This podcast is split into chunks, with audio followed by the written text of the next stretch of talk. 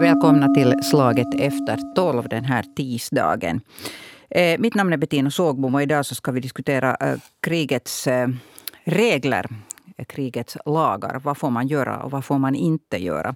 Nämligen i rapporteringen om kriget i Ukraina så har det skrivits väldigt mycket om det här att krigets regler och krigets lagar. Och, då ställer jag mig frågan, vilka är de här eh, lagarna? Vad är tillåtet, vad är förbjudet? Och hurdana fall tar eventuellt den internationella brottsdomstolen i Haag till behandling sedan eh, efteråt? Eh, med mig här i studion så har jag eh, programdirektören Katja Kreutz från, eller ska det sägas Kreutz? Jag glömde. No, Kreutz. Kreutz hellre, ja. Från Utrikespolitiska institutet. Välkommen. Tack.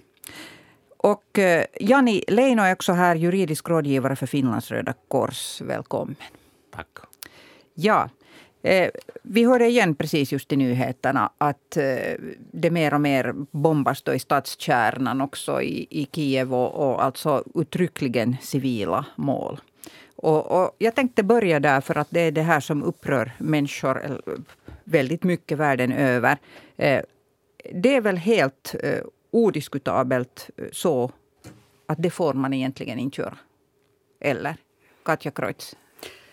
Ja, alltså en grundläggande princip i humanitärrätten eller krigets lagar som du kallar det är mm. att man skiljer på de civila och de som strider.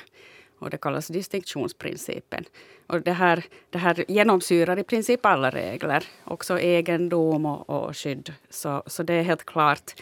Och jag tycker det kan kännas extremt att man också i krigssituationer har lagar. Mm. Men vi ska komma ihåg att, att så många krig i historien har lärt oss att undvika extra lidande och, och behandla varandra humant även i krigssituationer.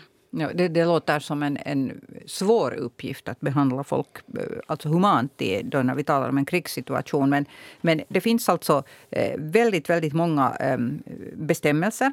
Och vi talar om den humanitära rätten då. Och det ingår under den. Då. Det, vi kan möjligtvis gå igenom alla punkter som nämns där. Men om vi börjar med det här med, med, med civila mål och det att man bombar civila mål. Och, och det där, eh, då frågar jag dig, Jani Leino. Um, om, om det är så uppenbart och alla vet, alltså, alla vet att man inte får göra det, så... Uh, ja, varför gör, varför gör man det? No det? För det första så oberoende liksom, om man uh, så att säga ta i beaktande de här uh, krigets rättsregler mm. och så som vi, och vi pratar om humanitär rätt, är annan uttryck för det. Ja. Jag måste säga det när jag pratar för Röda Korset så folk tror för oftast att det har att göra bara med liksom hjälparbete. Mm. Utan det är alla uh, krigets rättsregler. Och nu talar vi om folkrätt mm. och vi talar om folkrätt som, som begränsar det att hur man liksom så att säga uh, ute på fält, uh, fientlighet där, men också ge mandat åt uh, hjälporganisationer att hjälpa och skydda de fångade. Uh, humanitärrätt in, reglerar inte till exempel att om uh, Rysslands liksom, uh, aktioner mot Ukraina är olagliga under folkrätt. Det är en skild ja. fråga och det, det liksom bestäms av av uh, FN-stadgans liksom, bestämmelse och Katja är bättre för att säga det. Att det är lite mm. den här, jag brukar säga att ena sidan av folkrätten tittar att får man liksom börja boxa och sen andra liksom att, att, uh, att när man är liksom, när man slåss så alla regler är för samma, ingen får tortera och alla civila ska skyddas. Men till din fråga om, om um, civila mål, så det är ju det att man får ju inte rikta mot civila mål. Det som är problematiskt väldigt ofta i dagens läge är, är det att uh, vi lever i ett samhälle som är mer urbant och också militära mål. Om vi tänker på försvarsministeriet och, och, och huvudstaben i, i, i Helsingfors, så det är i mitten av Helsingfors. Att, Sant, att, att det finns sådana att, att och jag kan inte ta, jag tar inte någon ställning till vad som har äh, hänt i, i Ukraina, men att äh, det att äh, någonting förstörs uh, nödvändigtvis betyder inte att det har siktats mot det. Eller, eller så, det, det, är viktigt att komma ihåg, även om, om eh, förstås eh, det sen kan uppstå liksom bevis och, och, och, man ser från andra trender liksom att vad som har varit liksom motivationen för de uh, olika. Men att på det sättet, Katja var alldeles rätt, att det, det, är väldigt enkla regler på det sättet att man måste alltid göra skillnad mellan de militära mål och civila mål, alltså civilbefolkningen och civilobjekt. Och sen måste man uh, dessutom ta alla möjliga försiktighetsåtgärder. Till mm. exempel att man, man skulle kunna, det, det var ju i nyheterna här i något skede att, att det informerades, att, att uppmuntrades att, att civila ska bort någonstans ifrån. Det är ett, ett exempel på försiktighetsåtgärder. Men det som är liksom framförallt med den här proportionalitetsprincipen, att även om man har ett militärt mål inne mm. i en stad, men om man vet att, att till exempel att det skulle, att, att ett anfall mot det skulle döda sig tu, tusen, tiotusen civila, så då, då, skulle det vara liksom olagligt för att det är urskillningslösa liksom anfall. Ja. Att det är väldigt viktigt. Att sen finns det skilt också sen, speciellt skyddade mål, till exempel liksom installationer som har farliga krafter, till exempel det här kärn... Kärnkraftverk. Ja, precis. No, det har vi ju sett. Vi har ju sett allt möjligt sånt här nu och, och det är det här som upprör folk väldigt mycket. Alltså också det här att man då eh, tar och, och så att säga hotar med, med kärnkraft, äh, inte kärnkraft utan kärnvapen mellan, mellan raderna. Äh, sådär. Äh, ganska uppenbart är det, det som det är frågan om. Men, men, men till min fråga alltså. Jag, jag vill återgå till det där att eftersom vi alla ser det här nu inträffa, vi vet att de här reglerna finns. Betyder det här att nu i det här fallet till exempel att, att Ryssland eh, inte skulle bry sig om de här reglerna? No, ja. Kan, ja, eller no, Katja Kreutz. Ja. No, jag kanske inte behöver vara lika försiktig som Janni mm. på, på, grund av mitt arbete. Och jag skulle säga att det finns ju förstås många orsaker som Janni tog också här och antydde varför man kanske bombar civila mål. Uh, det kan finnas tekniska problem i vapnen, att missilerna inte träffar rätt. Kan, man kan ha gamla uppgifter om var någonting är beläget.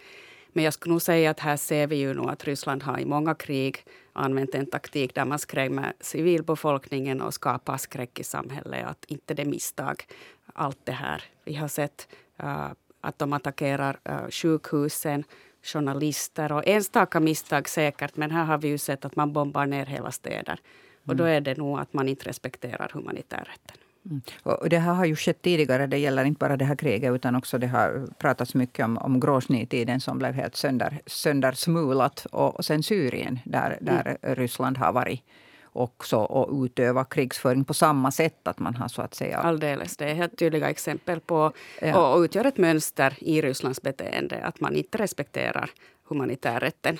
Och man kan också ta de här exemplen till exempel på humanitära korridorer eller evakueringskorridorerna nu i, i uh, Ukraina som de har bombat fast de borde vara demilitariserade. Mm. Och om parterna har kommit överens om det så det är också fel att bomba dem. Ja, men fortfarande, eh, jag vet att ingen av er känner uh, Vladimir Putin säkert liksom privat. Men uh, om man så uppenbart bryter mot alla de här reglerna, betyder det alltså, beror det på att man inte har ratifierat de här reglerna? Vad, vad beror det på? No, kan ni... Eh, det kan jag säga att det är liksom Internationella Röda Korset-kommittén har ju eh, sedan 2003 gett ut vart fjärde år ett rapport om, om liksom nuvarande konflikters liksom utmaningar till, mm. till krigets regler.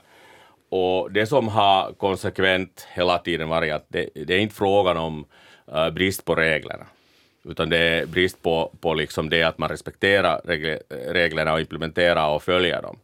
Uh, det som jag skulle vilja lite liksom ta upp, att man måste vara väldigt försiktig att dra konklusionen, att, att det är liksom, eh, slutsatsen att, att man följer inga regler. Mm. Att, att det, jag ser det från, liksom, från vår synvinkel, det finns tusentals med fall var på grund av krigets regler, till exempel Röda Korset slipper till fängelse och, och, och övervaka liksom behandling av, uh, av de fångade och, och kan föra liksom, uh, hjälp till, till de som behöver det. Det är bara det att media förstås inte, inte, inte rapporterar på det, att okej, okay, nu är det tusende gång som vi har lyckats utnyttja krigets regler, utan det är ju förstås allt det här som, som liksom um, sker. Och jag tycker det är också viktigt, eh, det är förståeligt att Ukraina är ju nära och det, det är de här mm. geopolitiska uh, frågorna som är väldigt liksom stora i den här, men det var just i morse som, som jag blev påmind om att i, i liksom, enbart i Jemen det finns två, 20 miljoner som inte har hälsovård och liksom 51 procent av, av, av liksom befolkningen behöver humanitär hjälp. Att det liksom, uh, och vad jag liksom säger här är det att, att det, det är liksom det är viktigt att, att komma ihåg att själv ha perspektiv, att man blir inte liksom det här så att säga den här median, att, att man, man så tappar sig bort där. Inte att liksom på något sätt liksom, uh, säga att det skulle inte vara viktigt och hemskt vad som, vad som har hänt, utan det är bara liksom viktigt att, man, man liksom, att det syns inte alltid. Man får inte alltid mm. liksom den här helhetsbilden, framförallt den här sidan att det här funkar. Utan det är ju, för det är helt förståeligt att, att, att eh, nyheterna tar ju upp det som liksom är, är märkvärdigt. Och, och då är det oftast det här, det brytelse eller, eller annat liksom, så att säga, lidande av, av eh, krigets offer. Jag håller med här att, att det är helt sant att vi ska komma ihåg att det som vi nu ser på sociala medier det är helt exceptionellt. Vi följer med direkt bombardemang Uh, och det här. Förstås de som minns Kuwaitkriget och, ja. det har också följt med mig på ett annat sätt. Att nu kan vi när vi vaknar klicka på telefonen och, och se att, att vad det har hänt för anfall och, och vi liksom Uh, vi förs till de här anfallen som, som Jani poängterar. No och det, det, är liksom, jag bara, det är bara att titta på dokumentärer för, liksom om Vietnam, uh, Koreakriget, andra världskriget. Och så man blir liksom just på, på just att, att, hur mycket det har hänt då och vad, vad som har hänt då. Men att det, det var ju den tiden att man läste i tidningen kanske liksom flera dagar senare en liten bit. Men nu får du liksom uh, bilder via sociala medier liksom inom en, en sekund och om man vill så, så man kan titta på det 24-7 och få hela tiden ny info.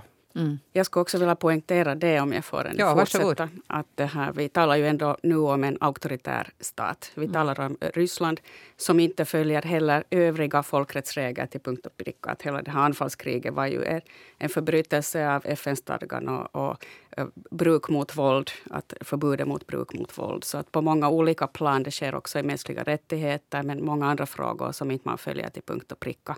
Och vi ska inte kanske vara överraskade, för vi talar nu faktiskt om, om inte ett demokratiskt land.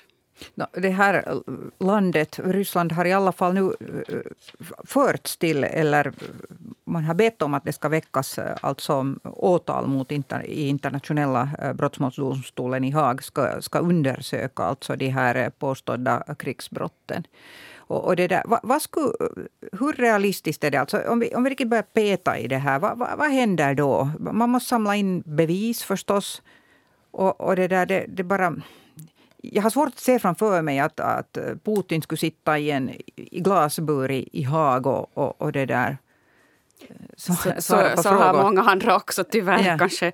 Men, men det här, vi ska komma ihåg att internationella straffrätten och, och då den här internationella brottmålsdomstolen uh, i Haag som grundades 1998 och blev verksam 2022. Mm. Så det här, uh, den representerar liksom mänsklighetens... Vi har kommit tillsammans överens om att vissa saker är så hemska att vi måste fördöma det.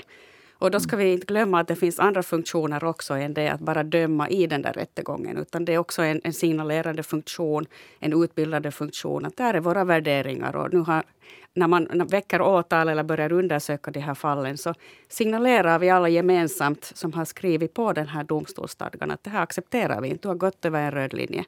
Mm. Så det handlar inte bara om den där rättegången som alla kanske hoppas att skulle kunna ses. Men det som du sa, det gäller att samla bevis i en krigszon, vilket är svårt. Det handlar om vittnesmål. Och vi har sett i domstolens praxis att vittnesmål ändras när staterna lite kan uh, hota vittnes, uh, vittnena. Så, så det finns många problem. Och jag ser inte att, att vi får se Putin Mm. In, inför domstolen om inte blir en, en, ett regimbyte eller Ryssland skulle vara på förlorarsidan. För ganska krasst kan man ju säga att de här internationella brottmålsdomstolarna, om vi tänker på Nürnberg och andra, så det är ju förlorarna som döms där. Det är inte mm. krigsvinnarna. Ja, det, det faktiskt kommer jag inte ihåg att man någon gång någonsin skulle ha sett Det, det är liksom, ja. Jag tycker den här mm. sista poängen som Katja tog upp är det väldigt viktigt. Ja, man brukar säga att när det, när det gäller att, att få folk till svar personligen, det är viktigt att komma ihåg att inom folkrätt, och Katja kan prata mer mm. om det här, att, att, det är liksom, att staten kan bli eh, liksom dömd för att vara ansvarig för, för någonting. Och det är ju i och för sig lättare för att man behöver ju inte ha likadant bevis att det var en enskild individ som ja. hade en viss liksom åsikt och, och liksom uh, sikta på att åstadkomma någonting. Och det, och det här är liksom ta upp en, en uh, för det första så, så det är viktigt att komma ihåg att egentligen huvud, huvud, liksom, uh, huvudsakligen det, det är liksom staten som är själv ansvarig för att döma sina egna uh, medborgare och, och kombatanter och uh, till och med ledare som, uh, som är, är, liksom ansvarig för är det sen krigsförbrytelse, brott mot mänskligheten eller, eller folkmord. Och vi ser att oftast kan det hända, liksom, sker annorlunda. Att om vi tänker på, på liksom, Sudan och, och al-Bashir mm. så, så det ställs liksom uh, vad heter det där, ett fall och det var många år som man kunde inte göra någonting men att det var ju sen uh, så att säga administrationsändring där så, så situationen har ju ändrat. Men att vi vet ju här från Finland också att vi har ju haft flera liksom sådana, vet du, vi hade det här fallet folkmord från Rwanda och just hade vi mm. om, om uh, Rwanda-pastorn. Ja. ja. Och, och det, det, är ju liksom på det sättet att, att på den här sidan, det är redan 49 så sa de att inte bara det att, att, att man får utan man måste söka och, och sätta inför rätta alla som är, är liksom skyldiga till allvarliga brott mot Genèvekonventionerna. Mm. Och, och det, det ska göra på nationellt nivå.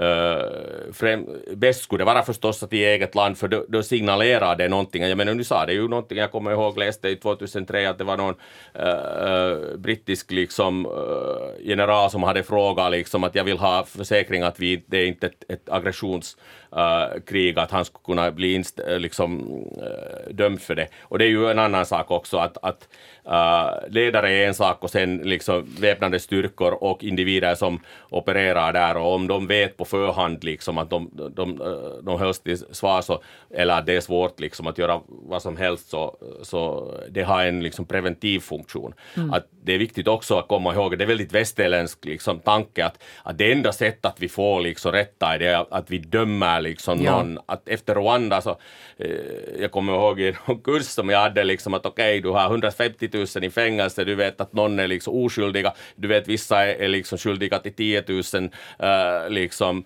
mord, uh, du har 17 jurister, du har inga pengar, mm. hela infrastrukturen i, i landet är liksom, vart sätter du pengarna? Liksom att är det viktigare för vanliga befolkningen?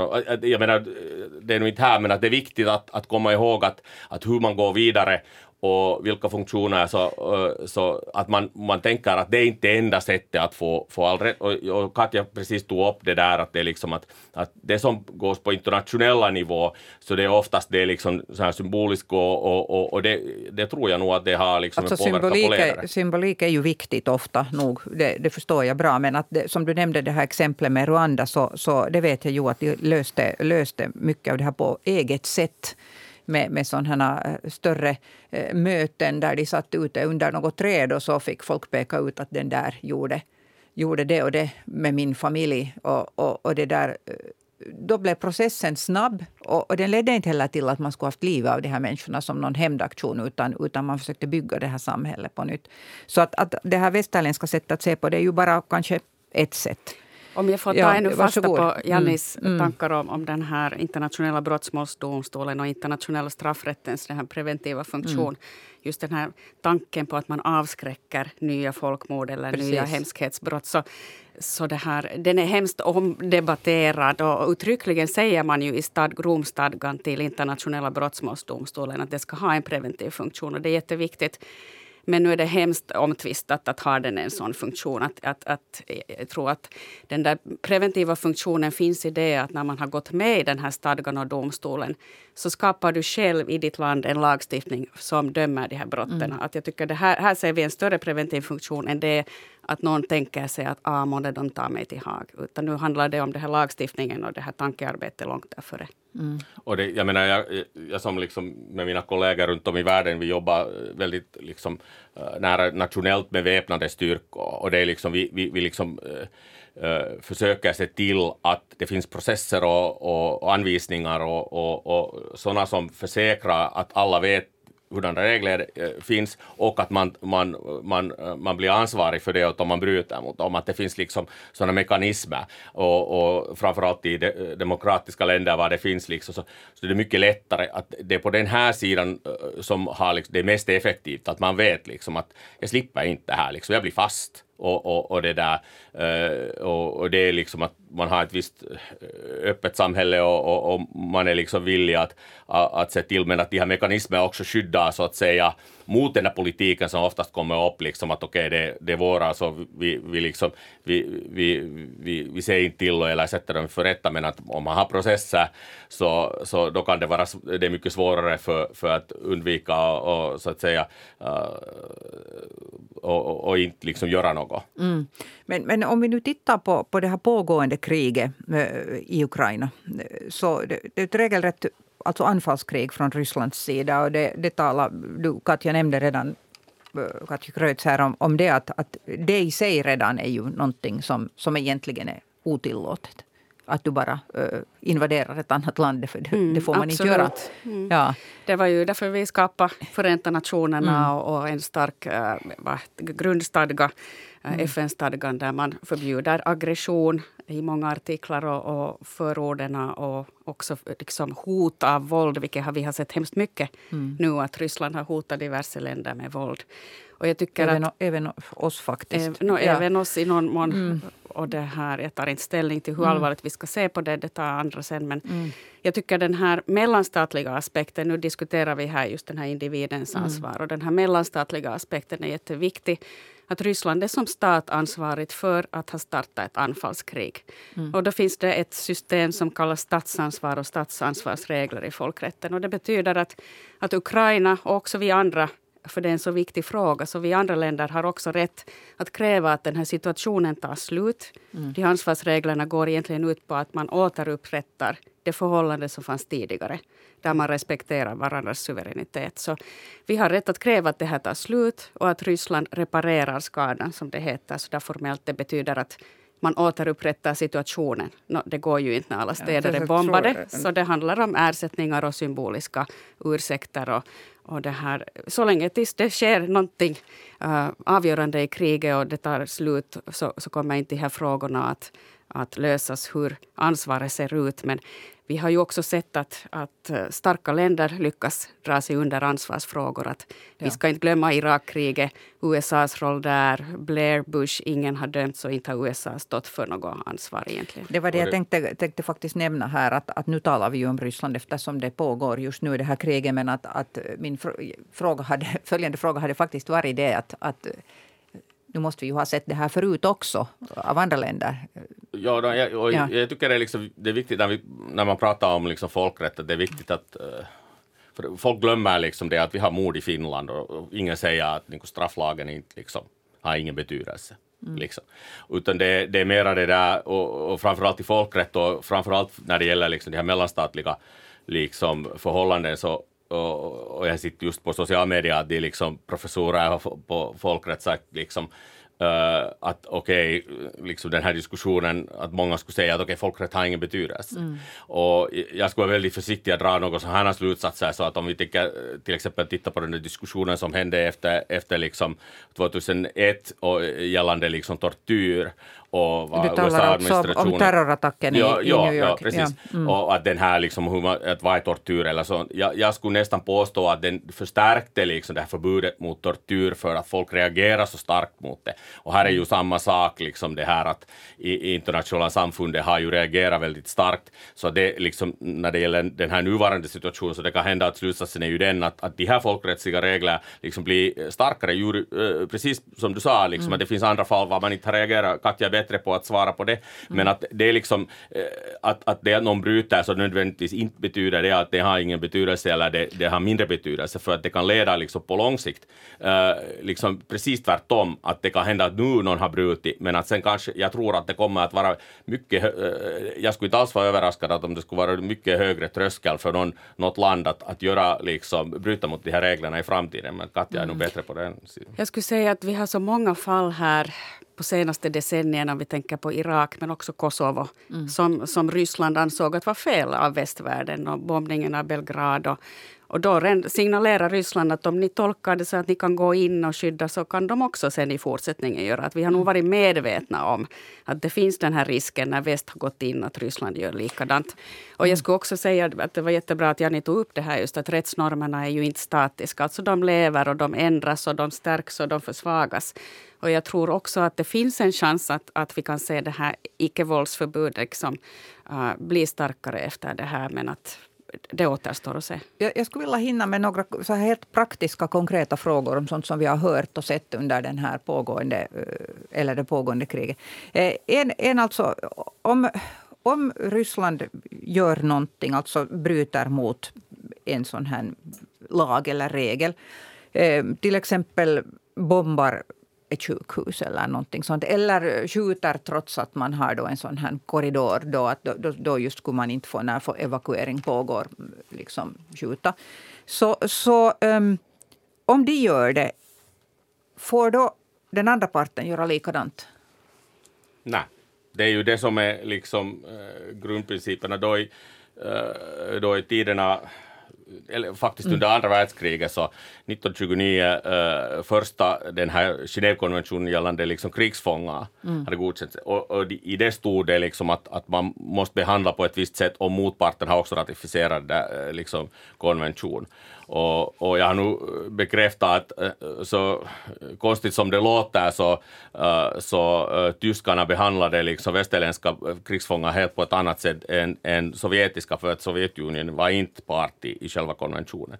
Men den, sen 1949, och det är ju liksom i princip den här förstärkt den här principen att vi talar om liksom human behandling, om, om någonting som är så grundligt i oss, mm. att det att någon liksom torterar en av våra soldater att vi inte skulle få göra. För det, för det första så det visar sig att det inte funkar, det, liksom att det leder inte till bra. Men att Anna också det att vi har erkänt liksom att vi ska inte behandla människor så. Vi är bättre mm. än det. Så det att någon gör någonting fel mot dig så det berättigar inte på något sätt eh, att man... Det, det låter som att jag skulle tala till en femåring nu men jag försöker alltså verkligen eh, men att om du, om du ja. tänker på det sättet att ja. det liksom att någon dödar, någon dödar vet du, barn där så får du döda barn här. Ja, just det. Ja, men, men jag skulle säga här lite ja. kanske ännu mm. kvalificera det här att mm. det här gäller humanitärrätten. Att om vi går mm. sen in på som jag talade, de här statsansvarsreglerna, att vi mm-hmm. talar om andra förbrytelser i folk, folkrätten, så har en stat som, som någon har kränkt så en rätt att också göra ovänliga handlingar tillbaka. Mm. Så du kan bryta, om någon gör, äh, kränker handelsavtal så kan du också sluta tillämpa tillfälligt. Att du kan göra tillbaka ovänliga handlingar, inte olagliga men ovänligt så länge tills den andra börjar igen följa folkrätten. Så det finns, men det gäller inte mänskliga rättigheter Nej, men, Ja, men det skulle jag säga nog att, att no, jag har inte läst de här, så att säga, de här juridiska motiveringarna för mycket av de här sanktionerna, men jag är helt säker på det att de, de liksom, så att säga, bryter mot så att säga vad som har kommit överens. Men just i folkrätt så det, nu råkar säga, skrev i, i Uni om det här, att, att det att, att det ges en tillstånd när det är så grundläggande eh, folkrättsliga regler så alla får reagera på, på, på ett visst sätt och liksom ta sanktioner som liksom bryter mot uh, liksom, uh, konventioner och, och, och, vad heter det, fördrag som man har med, med, med liksom, inom WTO eller mm. något annat, att, att man kan hänvisa till de här som, som basis till det att man nu bryter. För att alla sanktioner är ju inte bara det att vi får göra det, att det är en politisk liksom, fråga, utan det, det kräver att man liksom, på något sätt juridiskt liksom, uh, bryter det som man är förbundit sig till. Uh, och, och det där så det är viktigt att komma Men med på den här listan av det som man inte får göra, så det är ju till exempel alltså användning av kemiska vapen. Det, det, det är ju förbjudet. Då, det, varför får man då tillverka kemiska vapen? Varför är det tillåtet om man ändå inte får använda dem? No, jag skulle säga det att de som, de som eh, hör till det, så att säga, konventionen om kemiska mm. vapen, så de får inte, det är väldigt begränsat, det är väldigt lite man får göra. Och det är ju det som hände med Syrien då i början av mm.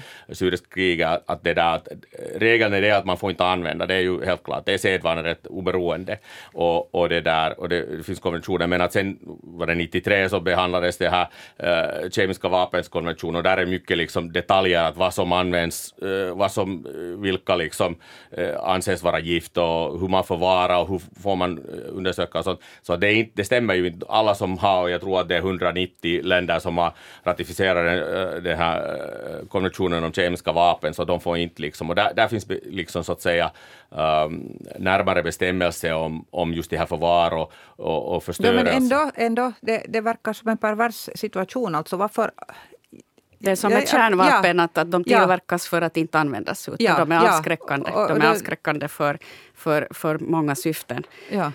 Själv skulle jag vilja ännu, om jag får gå tillbaka... Ja, visst får du. Varsågod det som du mm. sa om, om det här att får man göra tillbaka samma mm. sak när, när Ryssland kränker humanitärrätten. Så jag skulle vilja säga att Ukraina har ju inte, uh, i alla fall på det stora hela vad som har rapporterats, gått in på den här vägen heller. Utan Ukraina har tagit ärendet till internationella domstolen i Haag, en, en annan domstol som är mellanstatlig. Mm. Och, och imorgon kommer vi att få höra hur domstolen ser på saken. De har bett alltså om sådana här provisionella eh, skyddsåtgärder, alltså tillfälliga skyddsmekanismer från domstolen.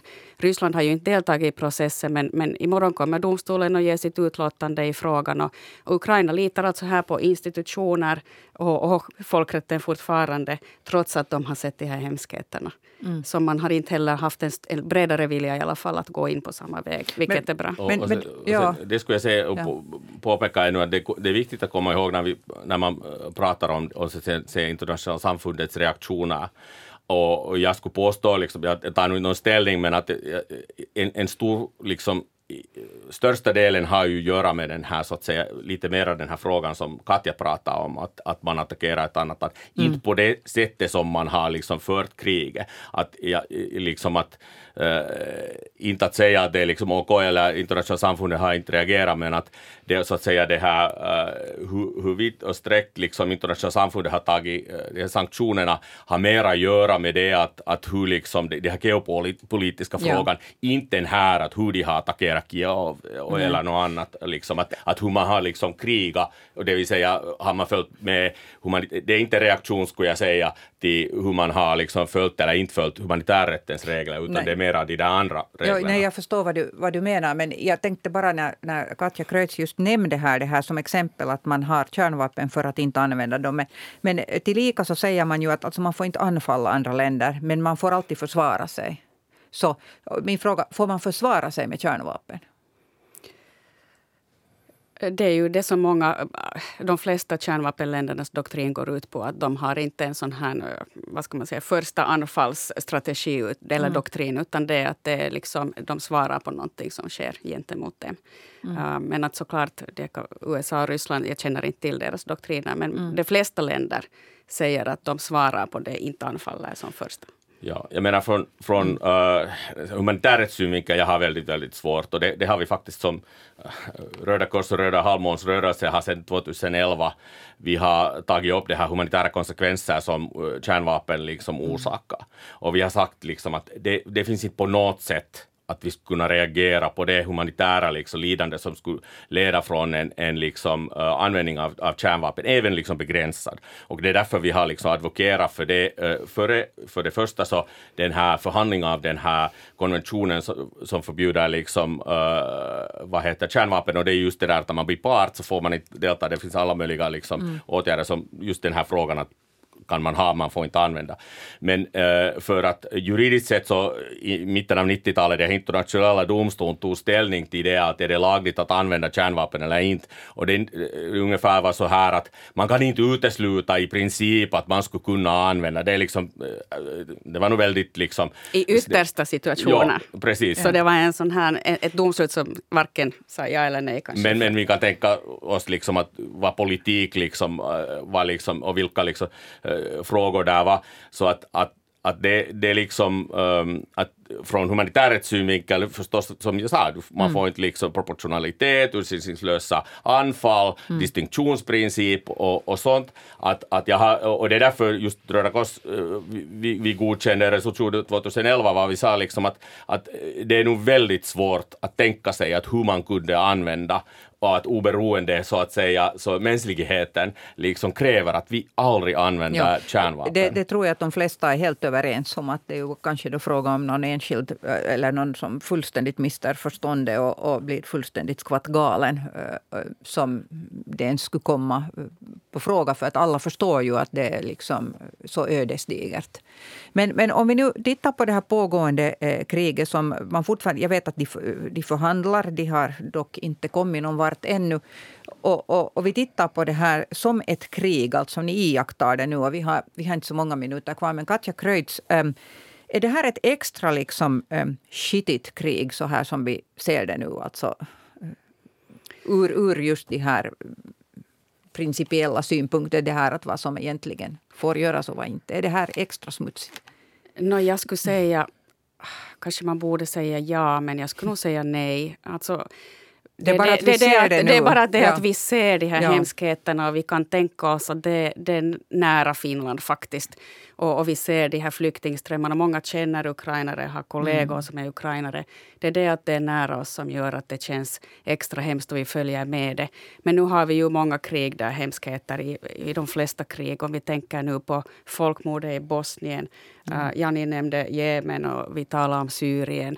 Uh, vi minns också kemiska, eller jag i alla fall minns från Iran-Irak-kriget ja. och kemiska vapen. Att nu har det funnits, vi har gått längre i det här, våra värderingar, att vad vi inte vill se.